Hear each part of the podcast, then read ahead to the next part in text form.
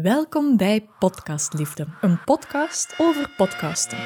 Voor ondernemsters die hun verhaal willen vertellen. Ik ben Iris en mijn hart loopt over van liefde voor dit unieke communicatiekanaal. Je fluistert in het oor van je ideale klant. En schrijft je eigen regels. Oh, yes! In deze podcastreeks hoor je ervaringsdeskundigen en experten in het podcastvak. Ik wil dat jij jouw stem vindt en plezier ervaart in de weg. Ik wil jou besmetten met mijn liefde voor pure communicatie. Want hoe meer vrouwen gehoord worden, hoe mooier de wereld. Ik neem je mee op reis in podcastland met plezier als onze gids.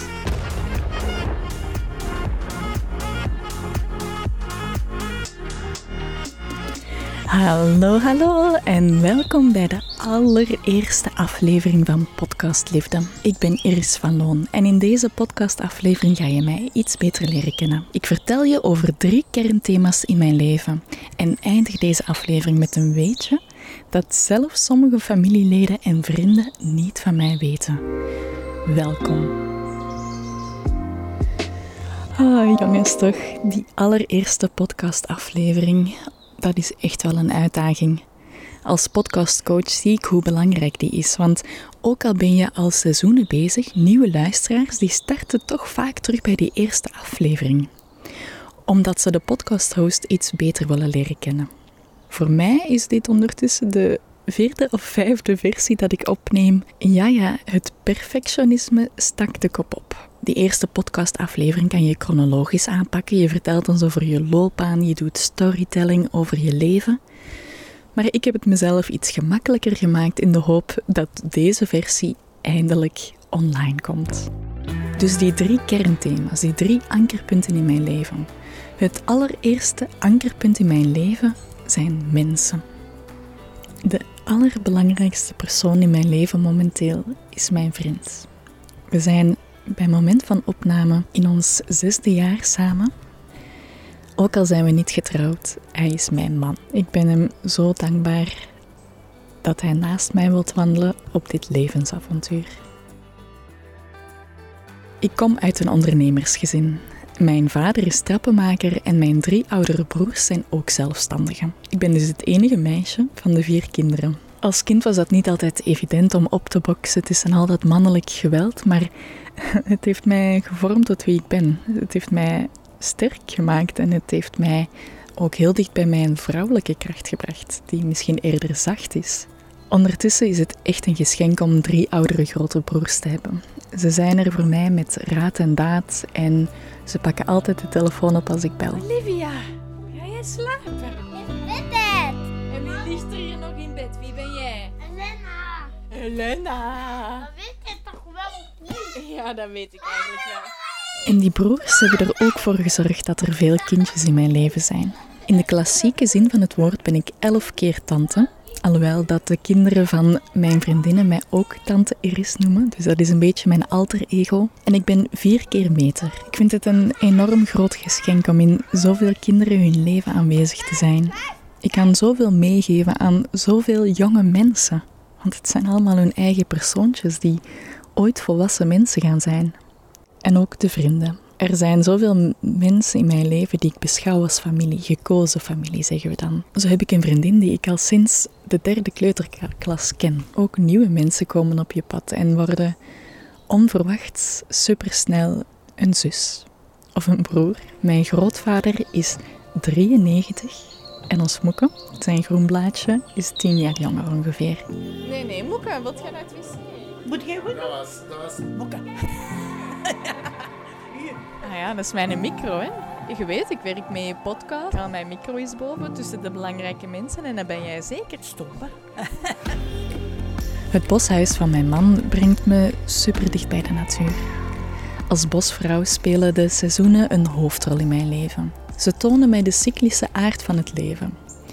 In de lente plant je zaadjes dat je dan weer in de zomer kan oogsten en in tussentijd moet je ze elke dag water geven. Of nu we zijn in de start van de herfst en de blaadjes zijn stilletjes aan allemaal aan het verkleuren. Ik ben echt al weken, denk ik, bijna panisch op zoek naar de zonnestraaltjes, omdat ik besef dat, het, dat die warmte er binnenkort niet meer is. Hier in het bos is het zoveel kouder. En tijdens een hittegolf is dat ideaal. Maar rond een tijd als dit maakt het mij een beetje melancholisch naar de zomer. Maar ook de winter brengt weer een hele mooie kans. Het binnen gezellig maken, cocoonen, rusten, ook daar kan ik enorm van genieten. Ik probeer ook echt wel de sfeer, de energie van, van de seizoenen te eren en te volgen. Ik loop sinds kort ook rond met een stappenteller. Ondertussen ben ik er wel aan gewoon, maar in het begin, ah, ik verschot daar echt wel van. Hoe moeilijk is dat om 10.000 stappen te halen? Oh my god. In het begin haalde ik maar 2000, 3000 stappen en nu, die stappenteller motiveert mij om kleine wandelingetjes tussendoor te doen. Er is hier een toertje rond de wei dat uh, ongeveer duizend stappen is. Het is helemaal niet lang, maar dan doorheen de dag doe ik dat een aantal keer en dat doet me echt goed. Ik merk ook het verschil als ik dan die 10.000 stappen heb gedaan. Voelt mijn hoofd veel leger en kan ik alles veel beter aan. Wat mij nog helpt om in het nu te komen, en om voor mezelf te zorgen is creativiteit. Creativiteit is het derde ankerpunt in mijn leven. Al sinds ik kon schrijven, hield ik dagboeken bij. Dus ik heb echt een hele stapel schoon boekjes verzameld. Ondertussen is mijn favoriete creatieve uitlaatklep collages maken. In het begin van het weekend begin ik vaak een creatief kunstwerkje. Laten we het kunstwerkje noemen, waarom niet? En ik beschouw het pas als klaar als het weekend gedaan is. Dus ik gebruik dat echt als ankerpunt doorheen het weekend bijvoorbeeld. Als ik een momentje voor mezelf heb, ah, weer wat nieuwe laagjes toevoegen of nu eens een beetje glitter erover doen. Ik beschouw mijn creativiteit als een prioriteit. Ik probeer oordelen rond, ah, dit is mooi of dit is niet mooi, volledig los te laten, want daar gaat het voor mij niet om. Het gaat over het proces van mijn hoofd leegmaken, zodat er ruimte kan zijn voor inspiratie mijn persoonlijke creativiteit blijven voeden, is ook essentieel om sterk werk af te leveren. De podcast die ik monteer voor mijn klanten, daar maak ik echte hoorspelen van en dat vraagt enorm veel creativiteit. Daarom zorg ik eerst voor die van mezelf. En dat is dan door een beetje te doedelen of te kleuren. Het maakt mij een sterkere onderneemster. En dan het weetje, hè. Ja, ik denk dat ik ermee begonnen ben toen ik 19 jaar was ongeveer. Het is iets dat ik deed voor mezelf. Ik wou mijn lichaam, dat een tempel is, versieren. Dus ben ik begonnen met tattoos te zetten. Ondertussen ben ik 30 en heb ik, amai, ik moet even tellen gewoon, um, heb ik 1, 2, 3, 4, 5 tattoos.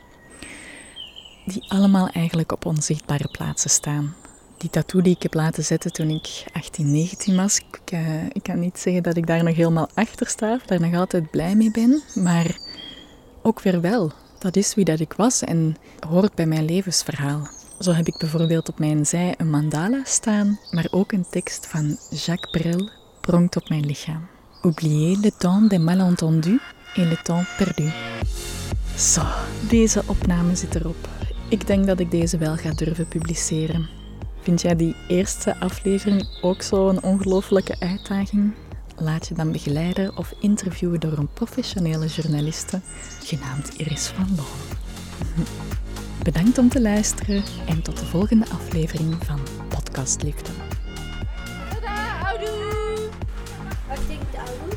Houdoe betekent hou u goed. En dan in het Esses zeggen we dat houdoe. Hou u goed. Houdoe.